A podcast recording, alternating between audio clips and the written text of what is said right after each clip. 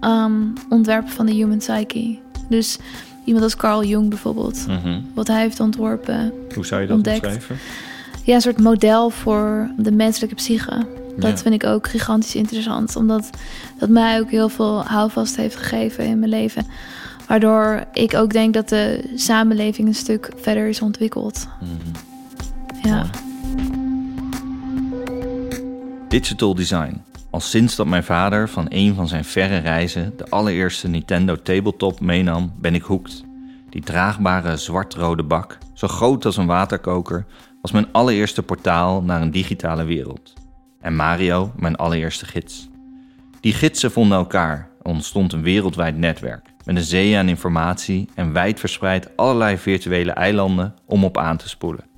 Zat je plots urenlang in een Habbo Hotel met je vrienden te kletsen in de lobby, terwijl je pixelated poppetje zorgvuldig van een treffende outfit had voorzien. Of was je tot midden in de nacht in SimCity je huis aan het bouwen en in de Sims je virtuele slaapkamer, met een oneindige kledingkast. Er ontstonden sociale netwerken die we nu nog gebruiken, van Facebook, WhatsApp en Insta tot Snapchat, TikTok en LinkedIn. Wie je bent verschilt van platform tot platform en van game tot game. Je elkaar nu tegenkomt in de steden van GTA, op het veld in FIFA of op de slagvelden van Fortnite. Je digitale zelf is fluïde, vloeibaar per account. Alleen lange tijd stroomde het niet vanzelf van wereld naar wereld. Tot de doorbraak van de blockchain, het digitale kasboek wat we allemaal kunnen inzien.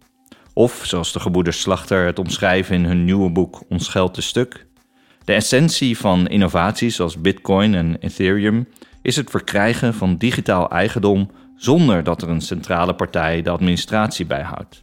Het maakt digitaal bezit uniek, gelimiteerd en overdraagbaar, en zonder afhankelijkheid van een instituut. Digitaal geld is nu de grootste toepassing, maar dat is pas het begin. Dankzij NFT's, niet verwisselbare tokens, kun je eigenaar zijn van een digitaal object. Door alle crypto-cowboys en mediagekte zou je zomaar de schoonheid hiervan kunnen missen. Zo ontvangt de maker een percentage van de verkoopsom, elke keer als de NFT wordt doorverkocht. Makers en gebruikers worden zelf eigenaar en niet een klein groepje aandeelhouders.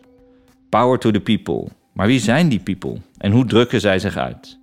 Niemand die dat beter voor ogen heeft dan onze gast van vandaag, Amber J. Sloten. Creative Director en co-founder van het internationaal toonaangevende digital fashion house The Fabricant. Amber studeerde in 2016 af aan het AMFI, het Amsterdam Fashion Institute, met volledig digitaal werk. Ze had ervoor moeten knokken om een virtuele vertoning te mogen realiseren. Motivatie voor haar digitale expo haalde ze uit het Rana Plaza-incident in Bangladesh, waar destijds meer dan 1100 mensen de dood vonden toen een fabriek voor fast fashion instortte. Het eerste grote project van de Fabricant was voor een luxe warenhuis in Hongkong. De studio werkte vervolgens samen met merken als Off-White, Adidas, Puma, Atari en Vogue. Begin 2019 was de Fabricant samen met Dapper Labs verantwoordelijk voor het allereerste kledingstuk ooit geveld op de blockchain tijdens de Ethereum Summit in New York. Verkocht voor omgerekend 9500 dollar in Ethereum. Diezelfde hoeveelheid is nu meer dan 150.000 waard. Maar genoeg absurde bedragen. Je merkt het al. Voor je het weet zit je in een tunnelvisie van de kapitalistische rollercoaster en vergeet je waar het echt om gaat. Hoe iemand zich thuis kan voelen online en hoe je je uit kunt drukken in je eigen community, zoals je maar wilt. Gelukkig is daar onze gids, Amber J. Dit is seizoen 3 van Verwondering, de design podcast van Nederland, waar je beter van gaat kijken.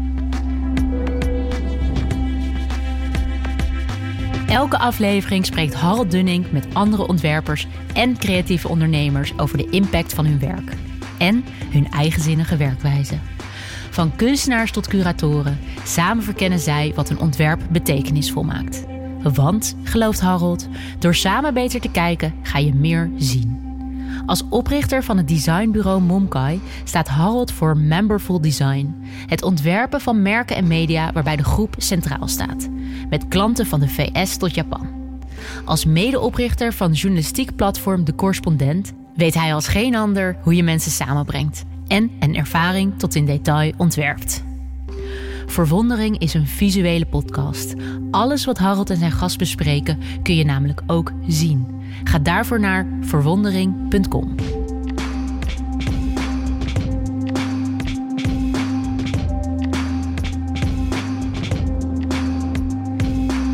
Amber Jane, welkom in de studio van Moonkai. Kan je voor ons beschrijven wat je vandaag aan hebt? Ja, dankjewel. een prachtige intro. Dankjewel. Ja, ehm, wat ik aan heb vandaag uh, op mijn fysieke lichaam is een jurk, um, tweedehands, um, van een designerlabel. het is nogal kleurrijk, maar daar word ik heel vrolijk van. Het is roze, roze en rood. En mijn digitale zelf heb ik vandaag niet aangekleed. Nee? Uh, dus die heeft op dit moment niks aan. Um, maar er bestaan meerdere digitale versies van mij met verschillende looks. Um, maar daar heb ik vandaag nog niks aan gedaan. Maar is dan je digitale zelf niet actief nu? Nee. Of loopt die naakt rond? Nee, die is niet actief. Ja. en als je dan praat over je digitale zelf, waar, waar in, in welke werelden beweegt hij dan? Welke platformen? Ligt eraan. Um, op dit moment is er nog geen standaard avatar die naar verschillende digitale werelden kan. Mm Maar in de toekomst is dat natuurlijk wel de bedoeling. Dat jij um, één avatar hebt die verschillende werelden kan uh, binnenkomen. En die er ook overal hetzelfde uitziet.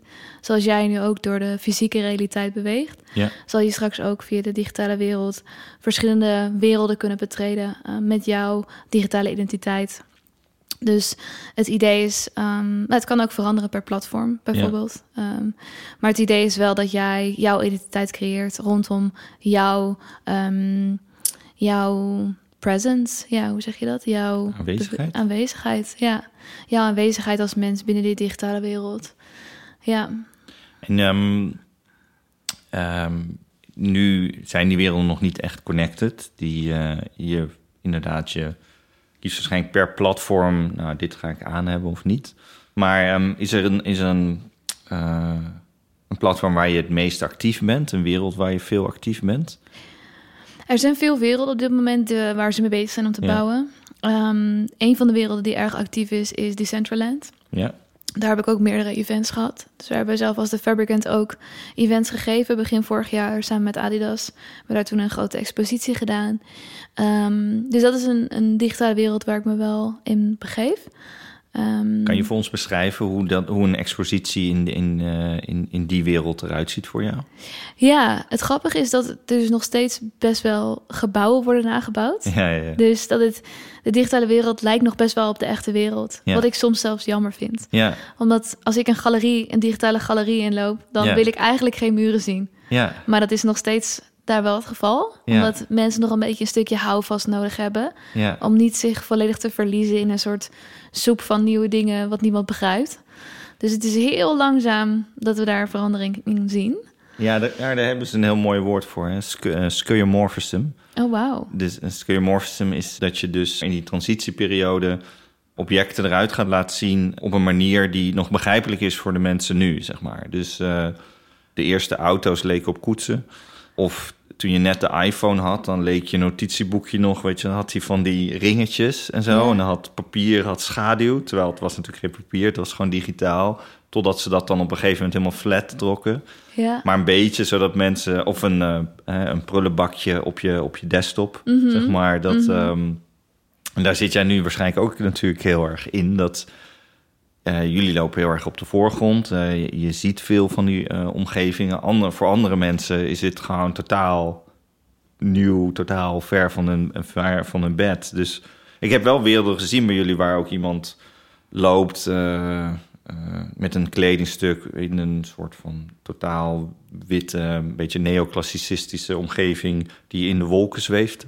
Ja. Ehm, ehm, maar zijn, er, eh, zijn daar dan ontwerpers of, of mensen waar, waar je denkt, ah, dat vind ik wel heel interessant, waar die dat, hoe die dat ook zeg maar de omgeving meer vormgeven? Ja, zeker. Ehm, ik denk dat er weinig architectenbureaus bestaan die op dit, op dit moment zich begeven in de metaverse of in de Mhm. digitale wereld. Maar eentje daarvan die we kennen is ehm, Space Popular. Mhm. Zij maken echt eh, fantastische projecten en doen eigenlijk heel veel met digitale ruimte. En dat doen ze eigenlijk al meer dan tien jaar.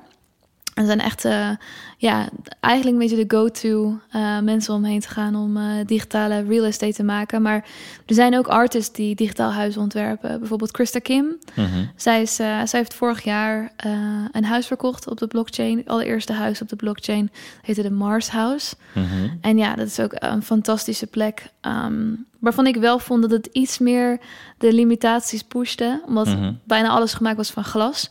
Wat natuurlijk in de echte wereld heel erg ingewikkeld is.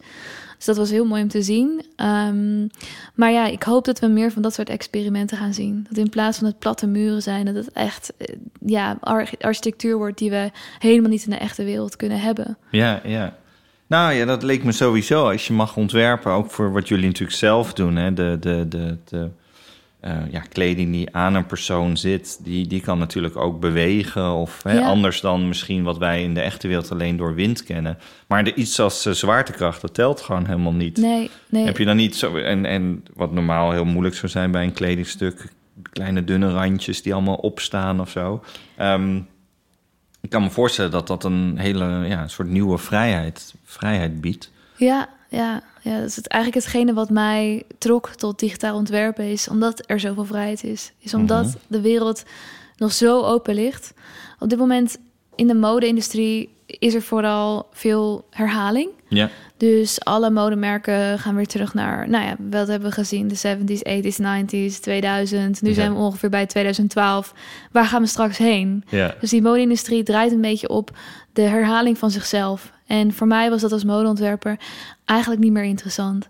Ik dacht juist, hoe, omdat ik in mijn, in mijn jeugd al zoveel digitale identiteit heb kunnen ontdekken, vroeg ik me heel erg af van waarom zijn we daar nog niet meer? Waarom doen we daar nog niet meer mee? Want het mooie is dat zodra je geen limitaties hebt, kun je ook veel meer doen ehm, in, in, in terms of storytelling. Dus je Mhm. kan zoveel meer verhalen vertellen met wat je aan het doen bent. En de materialen die je gebruikt zijn inderdaad ehm, niet gelinkt aan zwaartekracht of enige dingen die jou tegenhouden als mens. Ehm, en het mooie daaraan is ook dat jouw identiteit eigenlijk veel langer of veel verder strekt dan wat je nu gewend bent. Want op dit moment wat je bij je hebt, bijvoorbeeld als je een jurk aan hebt die heel lang is en je moet een metro in, ja, dat is best wel irritant. Ja, ja, ja. En hetzelfde als je op de fiets zit, weet ik veel. Het komt gewoon tussen je spaken. Eh. Zelfs een lange jas komt tussen je spaken. ja.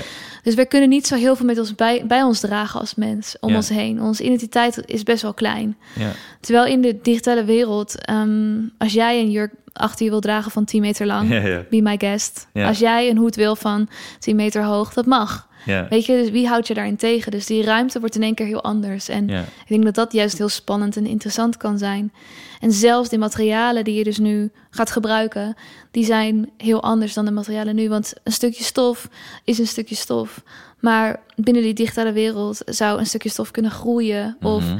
zou het fluïde kunnen zijn? Of zou je er juist eh, over tijd misschien ehm, zou er iets kunnen gebeuren? Dus in één keer speel je ook met het element van tijd. Wat Ja. wij in kleding eigenlijk nog nooit op die manier hebben kunnen doen. Ja, we kennen natuurlijk slijtage.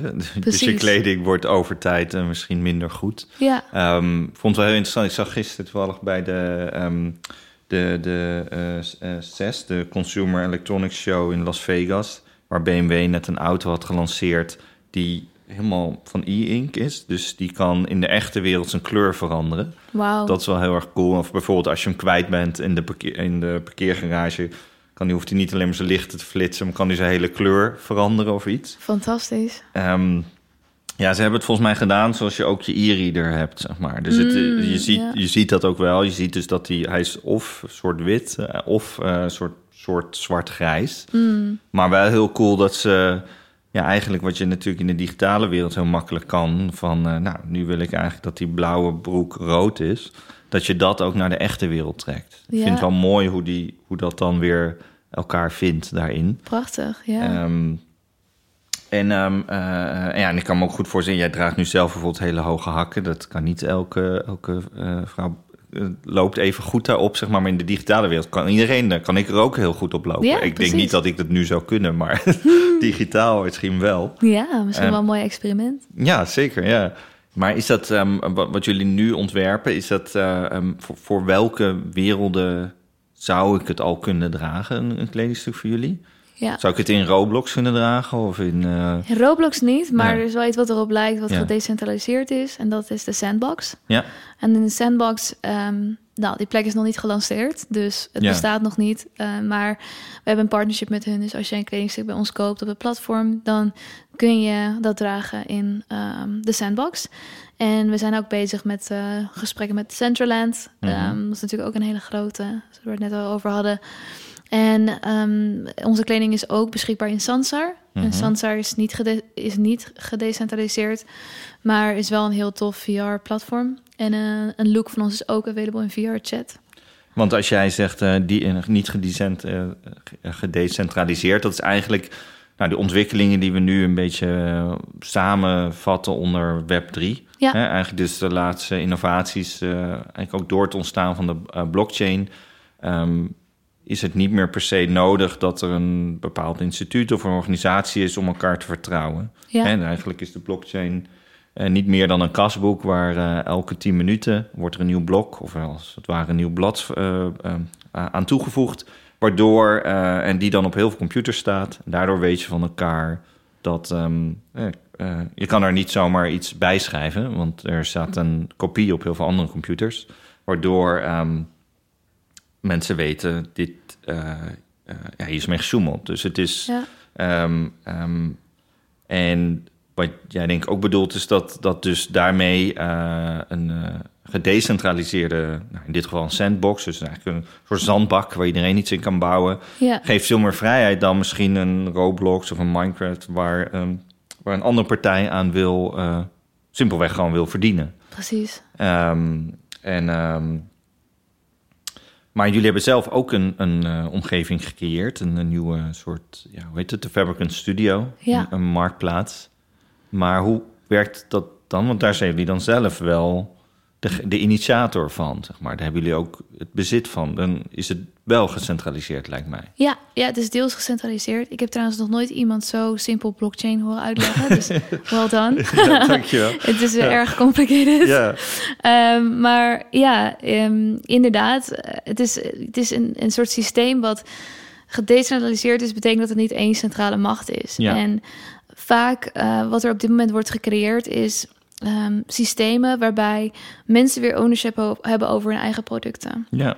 Dus het is niet langer dat ehm, er bijvoorbeeld één centrale macht is die dingen beslist. Maar juist zijn er ook, eh, is er een community of een, een, een, een groep mensen die beslissen over bepaalde dingen.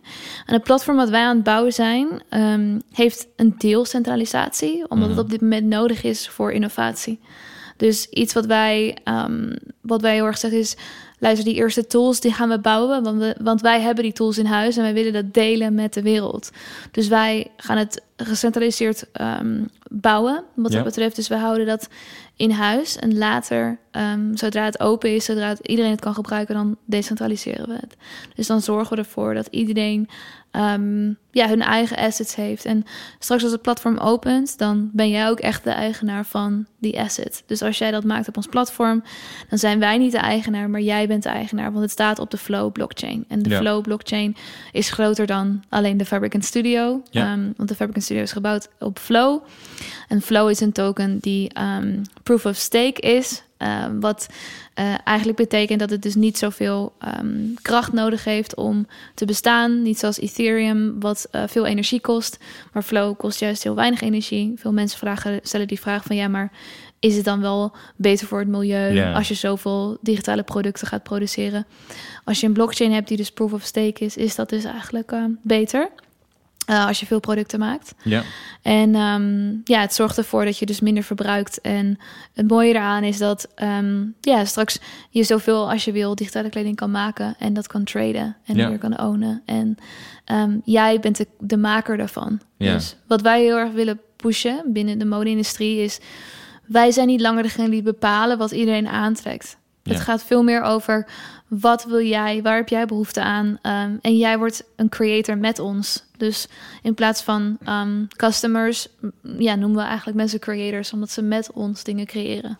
Ja, precies. Dus ze kunnen op het platform eigenlijk eh, ja, zelf iets maken. En als ze dat eenmaal hebben gemaakt, ehm, wat je dan vaak eigenlijk eh, minten noemt, Ja, eh, dan is het ook zo ja, in vastgelegd dat je als het ware daar eigenaarschap van hebt. Klopt. Ehm, voor mensen die misschien niet heel diep daarin zitten, het is de, de, de zorgen rondom eh, het milieu zitten er inderdaad heel erg in. De, de, de maat van energie die het kost om eigenlijk eh, ja, dat bij te houden in de blockchain. Elke keer een nieuw blok te maken en elke keer te, eh, ja, te checken met elkaar of dat allemaal eh, in lijn is met elkaar. Dus dat, is, dat kost zoveel computerkracht. Ja, En iets als nou, Ethereum, een, een cryptomunt, is daar dan ook echt wel berucht om dat het zoveel energie kost. Zoveel als een, als, een, als een groot land of als een paar landen bij elkaar. ja, En daar wordt dan gepraat over hè, Ethereum eh, 2.0. En, ik denk heel veel ontwikkelingen in de markt zijn wel een, een, een beter bewustzijn eigenlijk van wat die energie kost. Want in, in de eerste plaats zou je zeggen, ja inderdaad, alles is virtueel. Jullie gebruiken geen echte stof meer. Ehm, ik denk niet dat veel mensen doorhebben hoeveel stof eigenlijk wordt verbruikt. En dan iets Ja. als eh, Burberry of een ander merk gewoon voor miljoenen per jaar verbrandt ja, om maar een bepaalde exclusiviteit van een werk te houden. Gewoon perfect, mooi, prachtige kleding wordt gewoon verbrand, ja, zodat ze het niet in de sale hoeven, zodat ze maar, ehm, ehm, nou ja, eh, hè, zodat ze maar die waarde houden. Of ehm, wat jij ook wel eens in je TED Talk hebt laten zien, de, de kleding die teruggestuurd wordt, nou maar zoveel x procent belandt überhaupt nog ergens op een andere markt en de rest verdwijnt ook allemaal op een Ja. grote. Hoeveel? Misschien maar 10, 20 procent? Nou, het wordt gewoon vertrouwelijk vernietigd. Ja. Ehm, Wat betekent dus- vertrouwelijk vernietigd? Ja, dat, dat betekent dat het dus in het geheim eh, verbrand wordt of verknipt wordt of Ja. eh wordt. Dus dat het echt... eh, ja, Gewoon echt geen ja. nut mee heeft, hè? Nee, Want je hoort nee. ook wel eens, nee, dat gaat in matrassen of zo, maar Nee. het, nee. Nee, heel veel van het echt niet. Gewoon niet. En dat is een heel groot probleem. En ook het, het textielafval. Ja. Wat mensen zich vaak niet realiseren is dat het textielafval ook zo enorm groot is. Het probleem is Om het, eh, om het te maken. Zeg maar nee, om het, om het, om het te recyclen. Dus als Oh, jij klaar bent met het dragen van je kleding Ja. en je stopt het in de kledingbak. Dat is ook een gigantisch probleem. Want vaak die kledingbakken die hier in Nederland staan, dat is textielafval. Ja. Eh, dat wordt gekocht door ehm, ehm, eh, landen in Afrika. Dus bijvoorbeeld een land als Ghana koopt dat, betaalt daarvoor. Eh, die betaalt dus voor ons afval. En daar wordt ehm, misschien 20% doorverkocht op de, op de tweedehandsmarkt. Ehm, en de rest komt allemaal in een soort van hoop met kleding die daar steeds groter wordt. En daar zijn foto's van en, en niemand weet dit, maar het wordt steeds groter. En het is Mhm. echt een gigantisch probleem.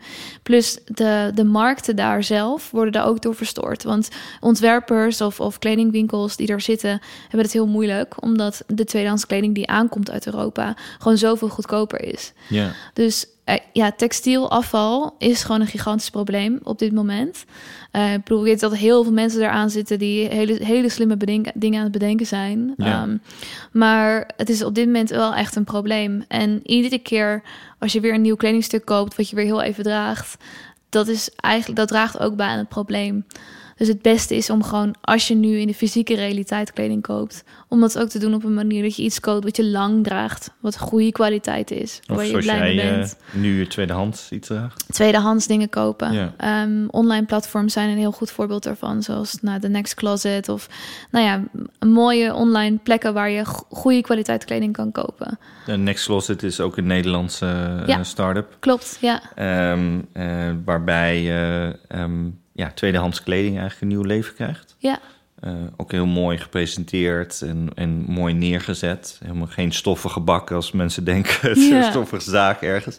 En ehm, eh, ja, inderdaad, het of tweedehands of het langer dragen. Ik merkte heel erg eh, bepaalde soort schoenen. Dat, ik heb één paar schoenen heb ik vijf jaar kunnen dragen. Dat ik echt merkte van... Ja, en dan liet je hem gewoon de zool weer eens fixen door, een, door de schoenmaker. Wat ik eigenlijk... Ja, vroeger als klein kind dan wil je natuurlijk elke half jaar nieuwe Nikes.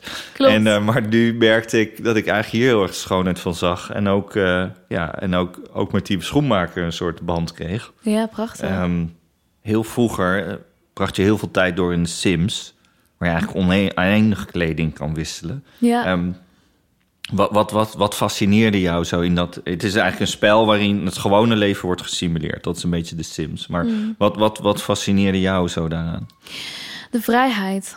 Dus voor mij, kijk, weet je, als ik dingen uitprobeerde op school, dan werd je vaak aangekeken. Of dan was je niet vrij om, om op die manier te experimenteren met je identiteit. Je kon het wel doen, ehm, maar het werd wel altijd een soort van.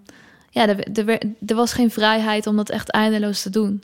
Terwijl in de Sims, als ik eh, een groene huid wilde downloaden en Ja, ja. dat wilde proberen, dan kon dat. Dus Ja. ik, ik downloadde allemaal soort van ehm, packs die je dan kan inloaden in, in de Sims. En Een soort skin of een een soort soort... skins ja. ja, die je dan kan downloaden, die mensen maakten bijvoorbeeld. En dat- niet van de Sims zelf, maar van creators die de Sims leuk vonden en dat hadden gehackt. En dat Een vervolgens... soort een mod noem je dat? ja, mod, ja. Ja, dus dat, dat kon je dan downloaden. En als kind was ik daar heel erg door gefascineerd, omdat het soort van voor mij weer nieuwe, nieuwe dingen ehm, bracht, die ik niet kon in de, in de fysieke realiteit. En als je nu terugdenkt aan wat was, was je lievelings uit die tijd? Ja, ik, ik ben toch wel ja, groot Sims-fan. Ik denk dat dat wel een grootste... Maar je lievelingsoutfit bedoel ik, zeg maar. Was er, was er iets of een bepaalde set of een bepaalde mod? Dus eh, zo'n modificatie die je interessant vond? Weet ik niet meer. Ik denk dat het eh, vooral de kledingmods vond ik het meest interessant natuurlijk. Dus niet per se haar of whatever, maar echt de kledingmods die, die je daarin kon, kon vinden. En betekent zo'n modificatie dat er dus een soort een, een pakket, een soort package kwam met allerlei verschillende huid, schoenen? Ja. Ja, ja, en het grappige was, dit werd niet gemaakt door de Sims zelf, maar door creators die dat zelf maakten. En dat kon je dan van hun downloaden. En Ja. vervolgens daarin. En soms werkte het niet. Ja. En soms werkte het wel. En als het wel werkte, dan was het natuurlijk super tof. En niet werkte was dan dat het buggy was, dat, Ja. het, dat het kapot ging of dat je arm door een kledingstuk heen Ja, ging? of dat het niet gewoon niet inladen of zo. Oh, zo. dat ja. soort dingen. Ja. Ja. En, en ehm, had je, hoe liet je dat dan aan anderen zien? Waren, waren de anderen in die wereld, waren dat vrienden van jou ook uit de echte wereld? Of had je ook mensen die je eigenlijk alleen maar kende in een Sims-wereld?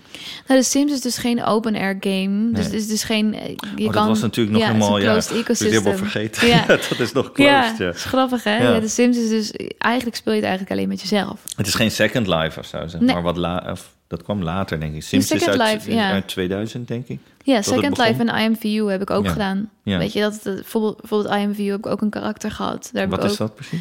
IMVU is ehm, een van de software dat toen... Dus het bestaat nog steeds. Ja. Het is gewoon zo'n soort Second Life. Ook als Second Ja, Life. ja, precies. Dat is een soort virtuele wereld waar je met een avatar rondloopt. En bij Second Life was het dan eigenlijk voor het eerst dat je ook... dat het gewoon aangesloten was op internet... en dat mensen konden inloggen van overal op de wereld. Ja, mensen hebben er heel veel geld mee verdiend in het begin, omdat ze ook eh, kleding maakten en eh, huizen maakten. En Ja. die kon je allemaal kopen. Dus dat was toen al heel erg populair.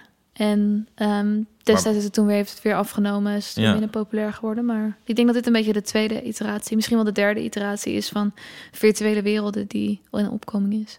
Ja, en zo, zoals in eh, Fortnite, een, een game waar je eigenlijk soort in, ook in een soort zandbak aan met, met elkaar eh, ja, een strijd vecht. Ja, Dat is volgens mij nou, 300 miljoen of zo per maand wat ze alleen al aan in-game ja, purchases, dus ehm, verkopen hebben. Ja. Maar dan gaat het allemaal naar één partij. ja precies. Ehm. en het nare is ook dat jij bent niet de eigenaar van, van die skins. Dus Ja. als jij een, een skin koopt, dan is het nog steeds de, ownership is nog steeds van Fortnite, niet van jou. Dit is niet op de blockchain. Ja, Dus als je het eh, transformeert naar een blockchain game bijvoorbeeld, dan ben jij voor altijd de eigenaar. Ook al bestaat de game niet meer, heb jij nog steeds die blockchain asset.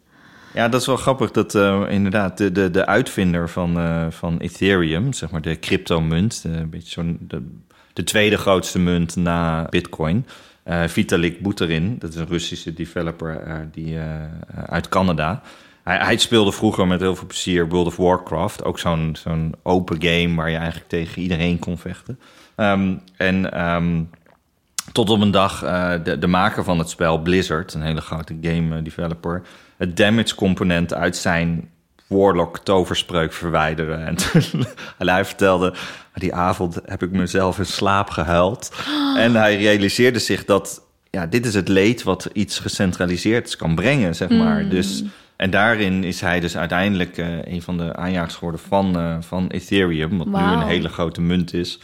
Om maar te zorgen van ja, het er zitten zoveel haken en ogen aan dat eh, centrale. Ja. Ehm, om decentraal goed te kunnen doen, heb je, ja, dat noemen ze dan een soort eh, smart contracts. Dus eigenlijk gewoon regels die je codeert als een computerprogramma. ja. Hoe, hoe doen jullie dat met jullie kledingstukken? Je- Neem aan, jullie hebben developers, animatoren. ja. Maar hoe, hoe, hoe ziet voor jullie een smart contract, eh, contract eruit? Ja, ehm, nou vooral eh, het ding is, het wordt gewoon geprogrammeerd met alle data erin. Dus ehm, het mooie is dat iedereen ook wordt gecredit. Dus bij ons is het heel belangrijk dat alle mensen eh, die hebben meegewerkt aan die NFT. Dus als je bij ons op een platform komt, dan selecteer je een kledingstuk wat je mooi vindt.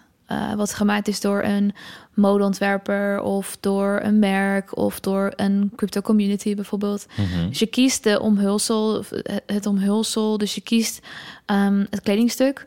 En dan kies je bijvoorbeeld een stof die je mooi vindt en de kleuren die je mooi vindt. En die stoffen kunnen gemaakt zijn door crypto artists of door ehm, andere textielontwerpers uit de mode-industrie. Eigenlijk allerlei soorten personen die, die het mooi vinden om 2D te werken. Ehm, die twee kan je combineren. Jij als creator, dus jij Ja. degene die op het platform komt. En het mooie is als jij dat kledingstuk mint, dus als Ja. jij die, dat kledingstuk definieert of, of maakt, dan wordt er in het smart contract geprogrammeerd wie daar allemaal aan heeft gewerkt. En daar zit ook een verdeling in aan de asset zelf. Dus 30% gaat dan naar de maker van het kledingstuk, 30% naar de stoffenmaker en 30% naar jou. En 10% aan de platform fee. En als het kledingstuk verkocht wordt, dan wordt iedereen dus betaald. Ja, En het idee is dus dat er een soort micro-economieën gaan ontstaan, waarin Ja. iedereen hun eigen soort van ehm, economieën kan creëren en eigen, ja, eigen onderhoud kunnen doen van hun eigen. Dus stel je voor dat jij een modemerk begint, bijvoorbeeld, nou ja, in de, de echte wereld, eh, in de fysieke realiteit, laten we het zo noemen. ehm, heb je misschien daar 5 miljoen voor nodig of zo om dat te beginnen op een goede manier. Mhm. Maar binnen de digitale wereld kan jij morgen al je kledingstukken en verkopen. leuk, ja. Ja, dus heel veel zit in de smart contract geprogrammeerd. En ook eh, de royalties over de secondary en, en al die andere sales die er nog gaan gebeuren.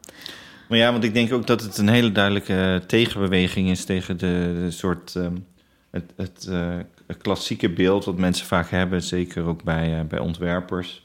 Eh, van, eh, van, eh, en dat, maar dat- zie je in, in veel lagen van de samenleving, een soort van dat een soort genius idee. Dat Hmm. één iemand soort grote ingeving heeft en die maakt het, terwijl het is heel vaak een team. Bij Rembrandt was het al een team, zeg maar. Ook niet alleen maar Rembrandt. Ehm, ehm, eh, als wij hier bij, bij Monke in de ontwerpstudio werken, ja, dan, dan, dan zijn het heel veel, zijn we het echt met elkaar aan het maken. Precies. En ik denk toch wel dat het een grote beweging is ook tegen, nou, wat toen wij opgroeiden natuurlijk meer star architects heten, de, de, Ja. de, de architect als sterren. ja. Terwijl ja, je eigenlijk meer, meer de groep wil laten zien. Het gaat, niet, het, het, het gaat om de kracht van de groep die samen tot dat heeft gekomen. ja. Ehm, wat denk je dat voor, voor jou zo belangrijk is dat die, dat die credits dan kloppen? Ja. Hoe, hoe, ehm, want ik vraag me soms wel eens af, ik zie wel eens de creators en dan zie ik bijvoorbeeld hele complexe 3D en dan op iemands Instagram en dan zie je gewoon nou, één creator. Dan denk ik, ja, maar dit is zo complex. Hier Mm. zit, ik kan me niet meer voorstellen dat hier één team of één persoon aan zit, zeg Mm. maar. Maar eh, want je noemde net, nou, het kan, de creator kan een merk zijn, kan die, kan die, maar als het een merk is, dan zitten daar toch ook weer heel hele groep mensen aan vast. Klopt. Probeer je die dan vast te leggen in, het, in de data? Ja, kijk, het probleem is, ik vind het wel mooi hoe je het zegt, de star architects. Ja, dat is ook iets wat heel erg was in de mode-industrie, dat nog steeds eigenlijk. Ja. De creative directors zijn gewoon eigenlijk soort van de, de stars of the brand. Ja. Terwijl er heel veel jong ontwerptalent zit, wat heel veel mooie ontwerpen maakt en eigenlijk heel hard werkt aan de collecties. Zou je ook tegen ons nu kunnen zeggen, hè? want wij zijn allebei eh creative director. Wij, Ja. zi- wij zitten hier weer te kletsen, terwijl heel team het is. Voor mezelf heb ik vaak gemerkt van, het is misschien eerder een soort woordvoerderschap wat je doet. Ja, precies. En ook misschien een soort creatief kompas. Dus, niet, Ja. je, dus je helpt de richting te vinden. Maar ik zeg Ja. niet eh, hoe precies alles moet. Dus, eh, dat, Nee, dat doe je nee, samen. Dat doe je samen. Maar ik denk ook dat ehm, mensen onderschatten hoe belangrijk het is om wel een beslissing te maken. Ja, ja, ja. En eh, het, vergt ook verantwoordelijkheid en, en om, om dat te doen. En je kan natuurlijk ook samen een beslissing maken. Wat nu vaak gebeurt, hoe ik ook werk en mijn team. Ja, het is veel meer back and forth dan dat ik zeg van dit moet er gebeuren. Ja, ja, ja. Maar ik denk ehm, dat het wel belangrijk is dat er één soort van aanspreekpunt is. ehm, en die dan misschien ook de verantwoordelijkheid draagt. ja. Ehm, wat mensen ook misschien onderschatten, hoeveel verantwoordelijkheid dat af en toe Ja, is. ja, ja. En de, wat de druk is van Wat de druk ook verantwoordelijk is. Ja, Ja. Van verantwoordelijkheid. Maar als je kijkt naar bijvoorbeeld iemand zoals Alexander McQueen, Mhm. wat we natuurlijk hadden in, in, nou ja, heel tragisch geëindigd is, maar kijk, hij was natuurlijk de sterontwerper. En uiteindelijk, nou ja, ja, was het gewoon ook heel veel druk wat er op hem neerkwam. En ik denk ook ehm, op modeopleidingen worden mensen nog steeds erg opgeleid van jij wordt de volgende Alexander McQueen, jij wordt de grote sterontwerper, jij, jij gaat de volgende modeshows en jij gaat zoveel ehm, eh, ja, nieuw kleding, nieuwe kleding produceren, nieuwe collecties produceren. Maar ik vroeg me heel erg af, hebben we dat eigenlijk nog wel nodig? Ja, Hebben we eigenlijk nog wel meer collecties nodig? Moeten we niet met z'n allen eens gaan denken over hoe het systeem anders kan? En dat kan je ook met een team doen. Dat kan je ook ehm, in, een, in een soort van nieuwe context doen. Zo kan je ook een bedrijf beginnen. En wat ik nu al zie in verschillende modeontwerpopleidingen... is dat er steeds meer mensen afstuderen met communities. ja. Dus dat zijn ehm, bijvoorbeeld een ontwerper als ehm, Baby Rennie. Zij is eh, fantastisch. Zij heeft een hele community van mensen die met haar de kleding maakt. Dus het is niet Oh, langer zij alleen. Hoe maar doet ze dat dan? ja, vrienden, familie, mensen die haar merk fantastisch vinden, die hebben haar allemaal geholpen. En daarmee heeft ze nu een community opgezet. En eh, hoe, hoe, eh, hoe interacteert ze met die community dan? Ja, via allerlei kanalen, vooral online ook. Ja. Ehm, maar in Discord of in iets anders? ik weet niet of ze een Discord heeft. Zou wel fantastisch zijn. Of Instagram? Ja, of- ja vooral Instagram. Ehm, en ik denk dat dat, zo, dat dat is een soort beweging die je nu ziet, waarin mensen dus eigenlijk in plaats van dat ze zeggen ik ben de sterontwerper, hoe ze worden opgeleid, ja, dat ze zeggen wij zijn nu een community. ja. En zo voelen wij eh, bij de Fabricant ons ook. Kijk, dit is natuurlijk niet Amber J. Sloten Studio, het is de Nee. Fabricant. ja, En zo heb ik ook mij altijd gevoeld met mijn co-founders. Wij doen dit samen. ja. Wij maken dit niet als, als één soort van één persoon die de show stelt. Nee, iedereen heeft zijn eigen rol daarin. Ja. En die vervult hij. Wat belangrijk is. Ehm, maar het is niet dat die ene persoon de, de geniale persoon is die dat allemaal heeft bedacht. Nee, en ik zie ook, eh Carrie Murphy is een van je, van je co-founders. Die zie ik dan weer spreken. En een andere keer zie ik Adriana Hoppenbrouwer weer namens jullie spreken. Dus jullie verdelen dat ook al. Dat is Ja. wel, wel eh, ook, ook eh, mooi om te zien. En Ja. sowieso alles wat je nu noemt en de, de, de, de, de ontwerpers of, of, of platformen die je noemt... die zetten wij ook op eh, verwondering.com. Ja. Dus in de gallery kan je, dat, eh, kan je het ook zien... Ehm, en ook als je denkt, ja, ik wil die persoon gaan volgen, eh, op welk platform dan ook, of ik wil, ik wil onderdeel worden van die Discord, dat soort links zetten we dan in, in de gallery. Ehm, nou, buiten die experts die, die je nu hebt, heb je ook een, eh, een raad van advies eh, opgetuigd. En eh, daarin zit een voormalige brand innovation director van Nike of de founder van Dapper Labs. En dit, dit laatste bedrijf, ja, ik weet niet of iedereen helemaal ja, doorheeft hoe, hoe ehm, hard die gaan tegenwoordig. Die zijn eh, het afgelopen jaar echt wereldberoemd geworden als de maker van het extreem succesvolle NBA eh, Top Shot. Dat is een soort platform waar basketbalfans de, ja, kaartjes van spelers en game momenten als een NFT-kaart kunnen verzamelen en ook eh traden. En eh, ze ontwikkelden inderdaad Flow als een nieuwe blockchain. En nou, volgens mij hebben ze recent iets van 250 miljoen dollar weer opgehaald. Ja. Met investeerders als, als Michael Jordan. Het bedrijf is nu 7,6 miljard dollar waard. en nou, de founder is, ehm, ik weet niet of ik het goed uitspreek, Roham Gar Gargoslu. Ja. Zeg ik dat goed? Ja. Dat- Ehm, ehm, je hebt hem nooit in het echt ontmoet volgens mij. Maar, maar wat, wat leer je van zo'n, van zo'n persoon die zo midden in zo'n grote... Ook, ja, jullie zitten in een grote golf en zij ook. ja. Wat, wat leer je van, eh, van, van hem, van zijn blik? Ja, het mooie is dat hij natuurlijk precies in een soort van um, sneltreinvaart zit waar wij ook in zitten. Ja. Maar dan is hij een stukje verder. Ja. Um, dus we zien En een gewoon- andere hoek ook, denk ik. Hè? hoek, dus de ja. blockchain waar jullie dan weer andere dingen op gaan creëren, denk Ja, ik. Ja. ja, precies. En wij gebruiken natuurlijk ook Flow, wat is van wat, wat, wat door Dapper Labs is gecreëerd. Dus wij zijn natuurlijk wel iets anders. Maar het mooie is dat wij heel veel kunnen leren van, ehm, van hun proces, van Dapper Labs. Omdat zij uit het niets zichzelf hebben gecreëerd. Ze hebben letterlijk een industrie voor zichzelf gecreëerd. Vanuit Vancouver, denk ik, toch? Ja, Vanuit ja, Canada? ja, vanaf Canada. Dus iets als CryptoKitties bijvoorbeeld, Oh wat ja, zij hebben bedacht. Dat is een NFT-game waarbij je, of nou eigenlijk een soort NFT-platform waarbij je katten kan breeden. Ja, Ehm, dus als jij een bepaalde kat hebt, dan kan je die breeden met een andere kat en dan wordt het weer een nieuwe kat. Het is een beetje alsof eh, vroeger had je Pokémon en had je Ja. Pokémon kaartjes. Je koopt zo'n kaartje, maar die zit in een zakje. Je weet niet welke je krijgt. Ja. Dat is eigenlijk een beetje wat er gebeurt met NFT's. Als je iets gaat Ja. minten, je weet niet wat eruit komt. Maar wat zij inderdaad eh, introduceerde is alsof je dat dan met een soort fokkerij combineert. Ja. Dus twee katjes kunnen samen weer een, iets, een nieuwe visuele vorm opleveren, toch? Want Ja. het is gewoon een plaatje van een katje. Ja, Maar dan eh, ja, kreeg je hele gekke katjes. Die dan, eh, sommige waren dan weer heel zo eh, zeldzaam dat die dan weer heel veel waard zijn, toch? ja en, en het, meest, het is echt een geniaal concept. Want Ja. wat zijn de dingen die het meest populair zijn op internet? Ja, katten. Katten en seks. ja, Dus ja, het is gewoon geniaal dat ze dat bij elkaar hebben geroepen. En het werkt zo geniaal goed. ja, Dus dat, maar dat soort dingen, dit is gewoon een soort nieuw level van entertainment. eh, wat we gaan zien, wat ook nog geld kan opleveren. Dus in één keer ehm, wordt een soort game of een entertainment iets, wordt iets wat jou geld kan opleveren. En waar je geld mee kan verdienen. En dan niet alleen maar eh, de, de mensen zoals, zoals jullie die, die zelf eh, die bedrijven initiëren, maar ook dus iemand die daar op eh, platform iets maakt, of iemand die misschien helemaal niet creatief is, maar juist Ja. weer heel goed is in handel, toch? Die kan, Ja, ja. kan weer verdienen aan, eh, aan een katje die die, Ja, precies. die fokt. Maar, maar ja, kijk, kijk bijvoorbeeld naar Axie Infinity. Axie Infinity is een game, Mhm. een blockchain-based game, wat wordt gespeeld ehm, over de hele wereld. Op En- wat voor manier? Hoe kom je in die game? Moet je dan Ja, het ligt aan computer of op Het zijn een soort, het is een soort Pokémon. Het is een soort Ja. Pokémon waarbij je een Pokémon soort van koopt. Dus zo'n poppetje, een Axie, die, Ja. die koop je. Dus je koopt een Axie en met die Axie kan je vechten. Maar via een app of in je browser? Ja, in je browser. En In je via, browser, Ja, in je browser kan je daar dus mee vechten. En Ja. het mooie is dat ehm, er nu al een soort van gildes ontstaan van mensen die daar dus in spelen.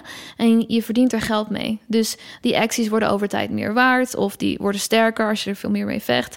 Dus het is een soort game to earn, play to earn economy. En het mooie is dat mensen bijvoorbeeld ehm, in de Filipijnen eh, die dit spelen, verdienen al bijna meer dan hun maandsalaris. Ja, En die kunnen daar al van leven.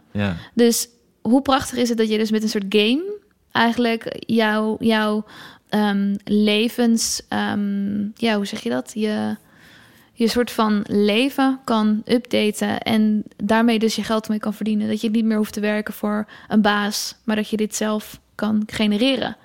Ja, dat is eigenlijk een heel nieuwe kijk, denk ik. Hè? Wat je nu omschrijft, die, die, die nu meer opkomt, waarbij inderdaad wat we wel al kennen uit games. En voor mensen die niet veel games eh, spelen, ja, je, je hebt vaak experience points. Dus hoe langer je het doet, ga je een level omhoog. Ja, Alleen dat bestond niet echt in een manier dat je er ook nog van kan leven. En als je eh Erjan Fout, met wie ik deze podcast ooit ben, eh, ben begonnen, en die, ehm, die schreef eigenlijk een heel helder artikel over, over Web3 en over alle ontwikkelingen daarin. Hmm. En ja, die vertelde eigenlijk ook van hoe, hoe gek het is dat op al die platformen zoals wij het nu kennen, de, de, de, de Instagrams en zo, dat je daar eigenlijk wordt betaald in likes of in, in, hè, in kudos of zo, maar niet ja. Ehm, terwijl je eigenlijk de belangrijkste grondstof voor die platformen levert. Jij bent het product. Ja, nou, de content, ja. Ja.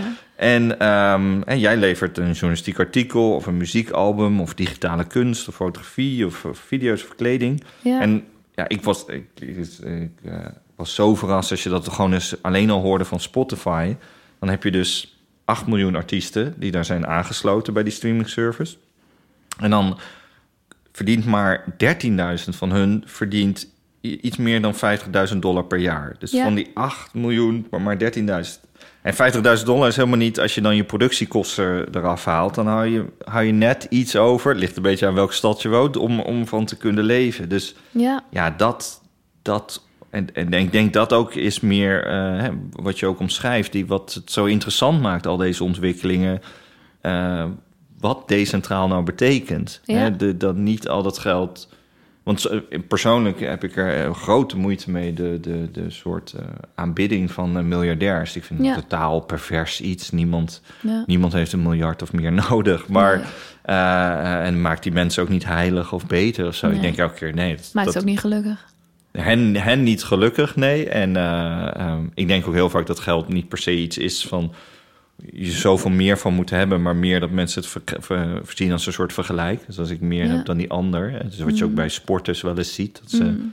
meer willen verdienen, niet zozeer omdat ze nou meer geld nodig hebben, maar dan zouden ze beter zijn in de Mm. sport die ze doen, zeg maar. Ja, ja, Ehm, ja, ja. Als we dat iets meer kunnen verdelen, zou dat al, al heel, erg, eh, heel erg mooi zijn, denk ik. Ja, het is een Ehm, energie hè, die je op een gegeven moment moet sturen op een bepaalde manier. En als je daar goede mooi. systemen voor zet, dan kan het stromen. Ja, En dat, daar geloof ik heel erg in, in het, in het creëren van die systemen, waardoor het op de juiste manier kan stromen. Ja.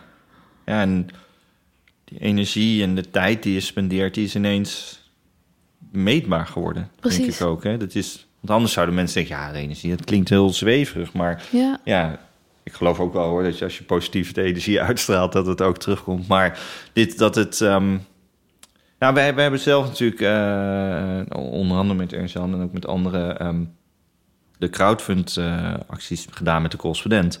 En waar mensen, waar ik eigenlijk een collectief met kleine betalingen een heel platform mogelijk maken. ja, M- Maar als ik heel eerlijk ben, ja, die mensen die, die eh, a- anders dan een label op de website die staat eh, lid van het eerste uur, eh, ze, hebben ze het niet. Ze, zijn niet. ze hebben niet een stukje van de correspondent. Ze hebben Ja. gewoon toegang gekregen, zeg maar. Dus ik denk, ja, eh, eh, die, die, veel, veel van de dingen die ik nu zie bij crowdfunding, en wij zijn ook eh, bezig met, eh, met ehm, eh, platformontwerper die, waar je ook in crypto kan betalen. En Ja. niet voor de correspondent, voor iets anders, waar ik helaas niks over mag zeggen. Maar, maar wel waarvan ik merk van hoe interessant het is. Van hoe kan ik nou iets creëren waarbij fans die ergens in geloven, dan ook een stukje hebben. ja. zeg maar, dat ze en misschien wel ja. meebeslissen over bepaalde dingen. meebeslissen. Ja. Of als jij zo'n grote fan bent en nergens in gelooft en die artiest wordt groter, dat jij dus meegroeit, zeg maar. Als mensen in jullie geloven met de Fabricant en denken, ja, dat is gewoon een hele vette jas die jullie daar hebben ontworpen. Ja, dan, ik denk nu al, die, die eerste, dat eerste kledingstuk, die, die, die jurk die verkocht is, die, Hmm. eh, eh, dat was toen omgerekend dus eh 9.500. Ja, Ja, heel eerlijk denk ik, dat is echt een koopje. ja, Als je, toch, als je Ja. die, die, die eerste daarin hebt. ja, Ehm, ehm, maar iemand op dat moment geloofde erin en dacht, ik ga dat doen. ja. En die had zoveel Ethereum, of die was heel vroeg in Ethereum, dat Ja, dat al... en toen was het zelfs crypto winter, dus kan je nagaan. Oh, dus Dat was toen dat tijdens- betekent dat, eh, dat, het, dat het niet zoveel waard was. Ja, dus op dat moment wa- waren heel, was het heel erg somber. Want het jaar daarvoor had iedereen, was 2018. Ja. Het jaar daarvoor was Crypto Summer, noemden ze dat. Waarin iedereen echt eh, met de grootste Lamborghinis aankwam. En toen in één keer in 2019 eh, stort het in. Want En- jullie, jullie waren in 2019... Was jij mee toen met ja, die... eh, ja, ja, en ja, dus op die conferentie. Ja. Maar dan ben je dus hartje, hartje crypto-wereld in Ja. New York. Ja. Ehm, kan je voor ons beschrijven wat je zag? ja, het is heel bijzonder. Omdat het vaak eh, een soort van... Het is een hele nieuwe wereld. Dus ik zag vooral heel veel mensen praten over een nieuwe wereld. Wat ik heel interessant vond. Maar als ik- je ziet praten, zijn het hele jonge mensen? Zijn het, ik, voor mij hangt er soms zo'n, zo- ja. soms hangt er een beetje zo'n bro-culture omheen. Ja, die, gigantisch die, die, natuurlijk, Die, ja. Wat eigenlijk vroeger met Facebook toen het opkwam ook zo was, zeg maar. Waar, ehm, waar het vooral dan lijkt te gaan over hoeveel geld dat is en hoe, hoe je dat flasht aan iemand anders, hoe je dat laat zien aan iemand anders. Maar Ja. hoe, hoe, hoe, want je was daar met je co-founders, denk ik. ja, ik was er met mijn co-founders. Ja, we zijn er toen heen gegaan. Dus kijk, Maar het was het ook ongemakkelijk of was het leuk? Is het, hoe... Het was fantastisch. Oké. Omdat ik, voor mijn gevoel was het Ja. voor de eerste keer dat ik soort van in zo'n wereld kwam. Kijk, het maakte me niet zo heel veel uit dat het allemaal crypto bros waren. Want in wezen, is het ook prachtig dat ze dit hebben kunnen neerzetten. Ja, En dat is dat, kijk, het systeem zelf wordt wel bedacht door deze programmeurs. ja. En daar ben ik heel dankbaar voor. Dus voor mij is het ook, het is natuurlijk een nieuwe wereld. En kijk, zij kunnen niet de enige zijn die dit vormgeeft, want daar Mhm. is die diversiteit voor nodig. ja. Maar het mooie is dat het systeem vorm heeft gekregen en dat we daar nu met z'n allen aan kunnen bouwen. En dat zij het zo opzetten dat het gedecentraliseerd is, ja. zodat iedereen er ook aan kan bouwen. ja. En ehm, toen destijds waren er gewoon heel veel van dat soort mensen geïnteresseerd in crypto. En was het gewoon heel nerdy. ja. Maar ja, ik ben stiekem ook gewoon een kleine nerd. ja, ja. Dus ik vond het niet erg om daar zeg maar tussen te lopen. En dat heb ik eigenlijk altijd gedaan. Toen Ja. ik op Amfi zat, ging ik een semester doen op game design. ja. Daar viel ik ook gigantisch buiten de boot. Met mijn hakken en lange haren tussen allerlei soort van, ehm, ja... Zijn het vooral jongens dan? Ja, vooral jongens. Ja. Hoeveel procent zou je zeggen? Ja, geen idee.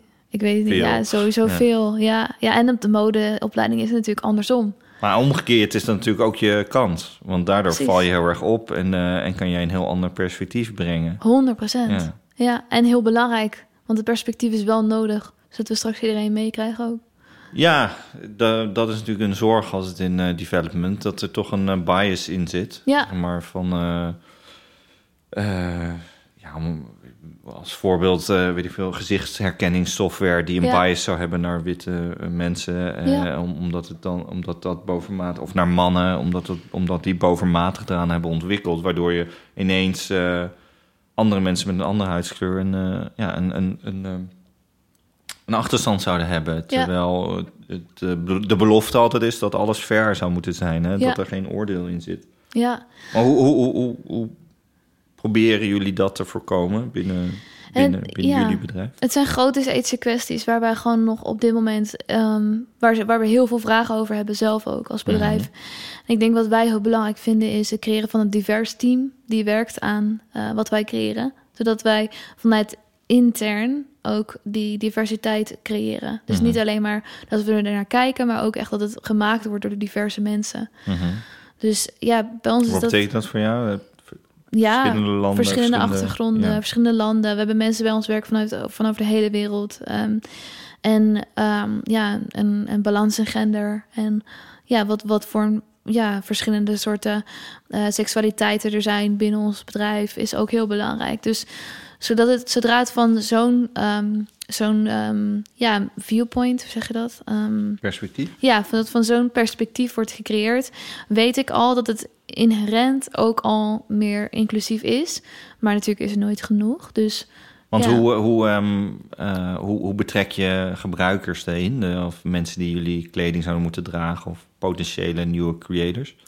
het idee is dat op het platform straks, als jij op het platform komt, dat jij kan kiezen op welk lichaam jouw het platform bedoel je nu, de- Fabricant, De Fabricant eh, Studio. eh, studio. Ja, ja, de Fabricant Studio. Dus ehm, als jij op het platform komt, dat jij kan kiezen welk lichaam jij wil.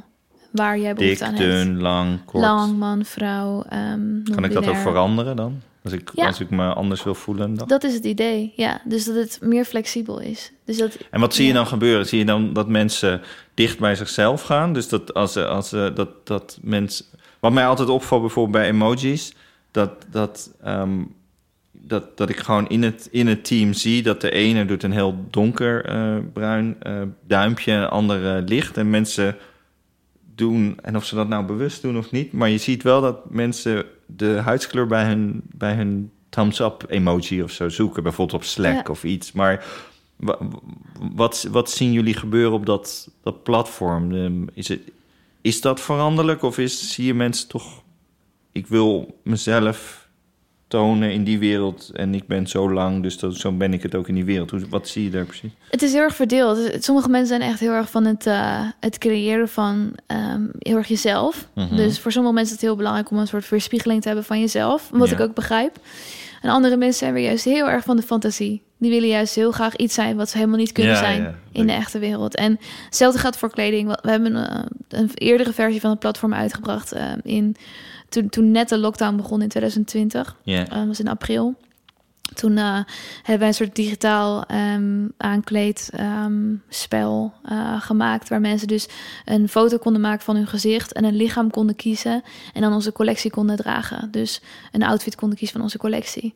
Ja. En we hadden een soort van drie lichamen ehm, eh, beschikbaar gemaakt. waarvan één ehm, meer mannelijke ehm, ehm, ja, vorm, dus iets meer Ehm, ja, een soort mannelijk lichaam. En de andere was meer iets meer vrouwelijk lichaam. En er was ook iets wat er precies tussenin zat. En men kon dus kiezen waar ze meer behoefte aan hadden. Mhm. En het grappige was dat de meeste mensen kozen voor iets wat dicht bij hunzelf was. Maar mhm. sommige mensen die kozen ook voor iets heel iets anders. Ja, dus volgens bijvoorbeeld één man die meedeed, die koos voor een vrouwenlichaam. Ja. En voor hem was het de eerste keer dat hij zichzelf in zo'n lichaam zag. En het deed hem zoveel. Wow. Waarin hij zeg maar zoiets had van... wauw, dit is iets wat ik, waar ik mezelf nog nooit in heb gezien. Dus ik heb mezelf nog nooit überhaupt in het derde perspectief gezien. Ja. Dus het deed zoveel voor mensen om zichzelf beter te leren kennen. Ja. Want identiteit gaat zo ver, zoveel verder dan ons fysieke lichaam. Ja. En veel verder dan mensen denken. Ja. En met dit soort tools heb je dus eigenlijk de kracht om die volledige zelfexpressie te kunnen doen. En voor mij is, is, is schoonheid, is zelfexpressie vanuit je hart. En wie ben jij als persoon? Mhm. En dat kun je via deze digitale tools heel makkelijk uh, visualiseren en faciliteren. Ja, ik denk dat ook waar dat de grootste misverstand is wat rond jullie hangt of zo. Waar iedereen maar de hele tijd zit, uh, ook als ik veel lees over jullie, maar terug wil naar die echte wereld. Terwijl we zijn zoveel virtueel. Als je denkt dat, je, dat wij gemiddeld al vier uur per dag op zo'n telefoon zitten, dan... Ja ja, is dat dan nog zo gek als het. Als het uh, ja, jullie hebben iets, iets uh, gemaakt waar iemand dan voor poseert. Voor een virtueel kledingstuk. Misschien in de echte wereld heeft geposeerd. Nou, dat hebben tien mensen gezien. En online zien een miljoen mensen dat. Precies. Wat is dan echter? Ja, toch? Precies. En hetzelfde met profielfoto's op je Twitter of je Instagram. Op dit moment is dat een plat plaatje, een foto van jou. Mhm. Je kan natuurlijk alles maken wat je wil, maar het is meestal gewoon een foto van jezelf. En je LinkedIn is anders dan je Instagram, is anders dan je Twitter. Maar het is allemaal een 2D plaatje. Maar in de toekomst kan je natuurlijk voorstellen dat dat gewoon jouw avatar is. Die jij meeneemt in allerlei virtuele ruimtes. Ja, wat ze dan eigenlijk de metaverse noemen, wat al heel lang bestaat, komt uit een boek uh, van Neil Stephenson uit uh, eh, 92, Snow Crash. Maar het is mm. recent voor mensen die het dan nog niet kennen, lijkt het helemaal geclaimd door eh, Facebook. Wat, wat uh, die uh, in principe allerlei interessante dingen in een presentatie had, maar wel heel erg extreem centraal door het bedrijf waar we natuurlijk allemaal een vertrouwensissue met, mee hebben. Ja, precies. Maar ja, ik denk dat veel dingen van de, die we kennen uit gaming of alle virtuele interactie die we hebben nu met Zoom.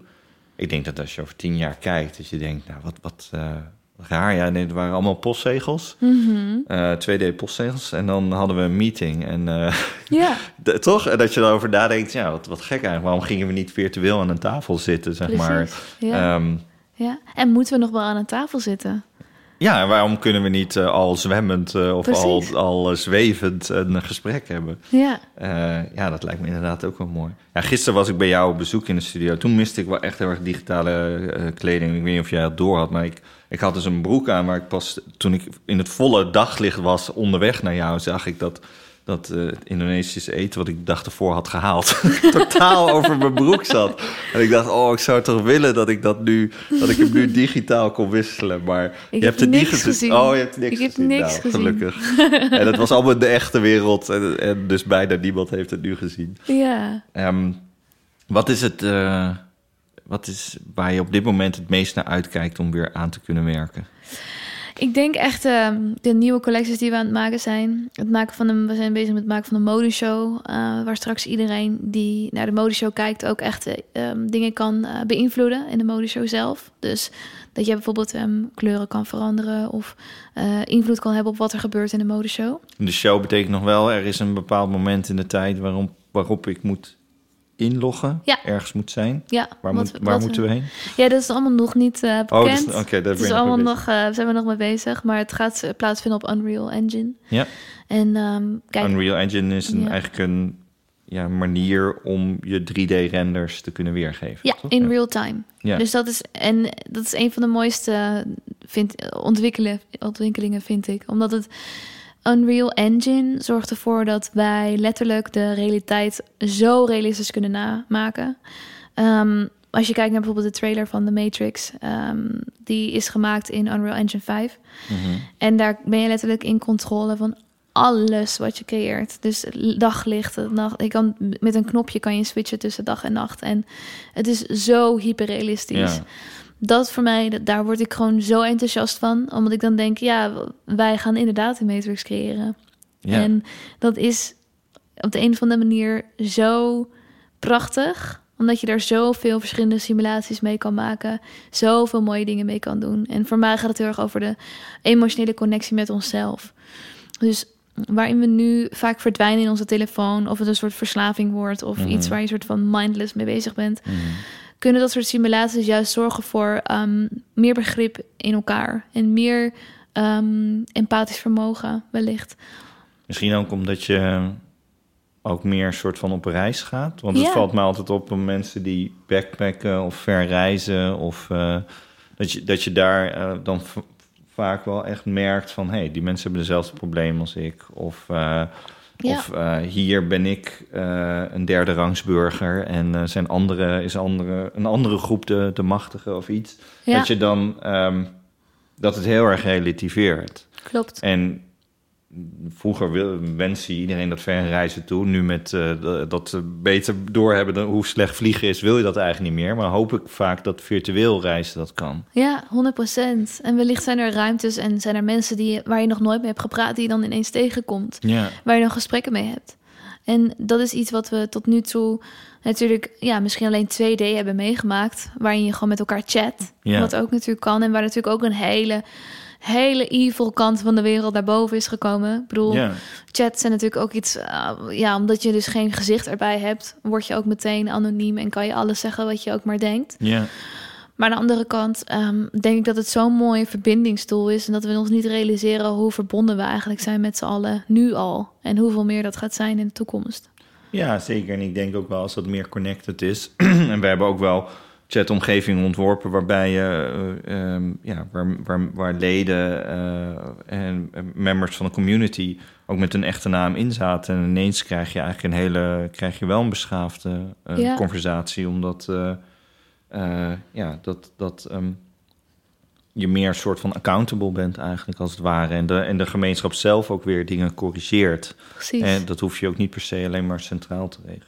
Precies. Ja, heel leuk. Ik denk eh, voor iedereen die, die benieuwd is, je kan op verwondering.com eh, eh, in al die verschillende werelden duiken. Ehm, je mag daar ook kiezen of je daar de rode of de blauwe pil neemt in Matrix. Er is ook nog een hele mooie trailer van. Daar heb je, daar heb je een hele mooie. eh, om, om, die, eh, om de laatste film daarin te promoten, hadden ze ook een website gemaakt waar, waar je in de trailer dat kan kiezen. Oh, En waardoor je weer een andere kant op gaat. Terwijl je denkt, ik kijk gewoon een statische trailer. Ja, Ah, heel cool. Die, die zet ik ook wel in de, in de, in de gallery. prachtig. Ehm, heel, erg, eh, heel erg bedankt dat je er was en dat je ons meenam in deze, in deze reis. Ja, dankjewel voor het mooie gesprek. Thanks.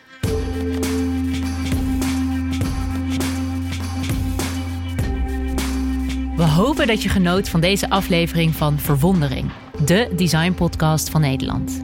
Loop je zelf rond met een designvraag die je graag eens zou stellen aan Harold en zijn gasten? Of is er iemand die we echt eens moeten uitnodigen? We horen graag van onze luisteraars. E-mail ons via podcast.verwondering.com.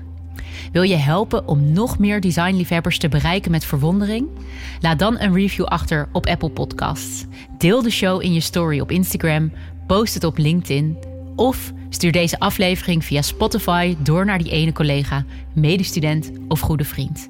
Als echte vakliefhebbers worden wij er dan weer heel erg vrolijk van. Alvast heel veel dank van ons.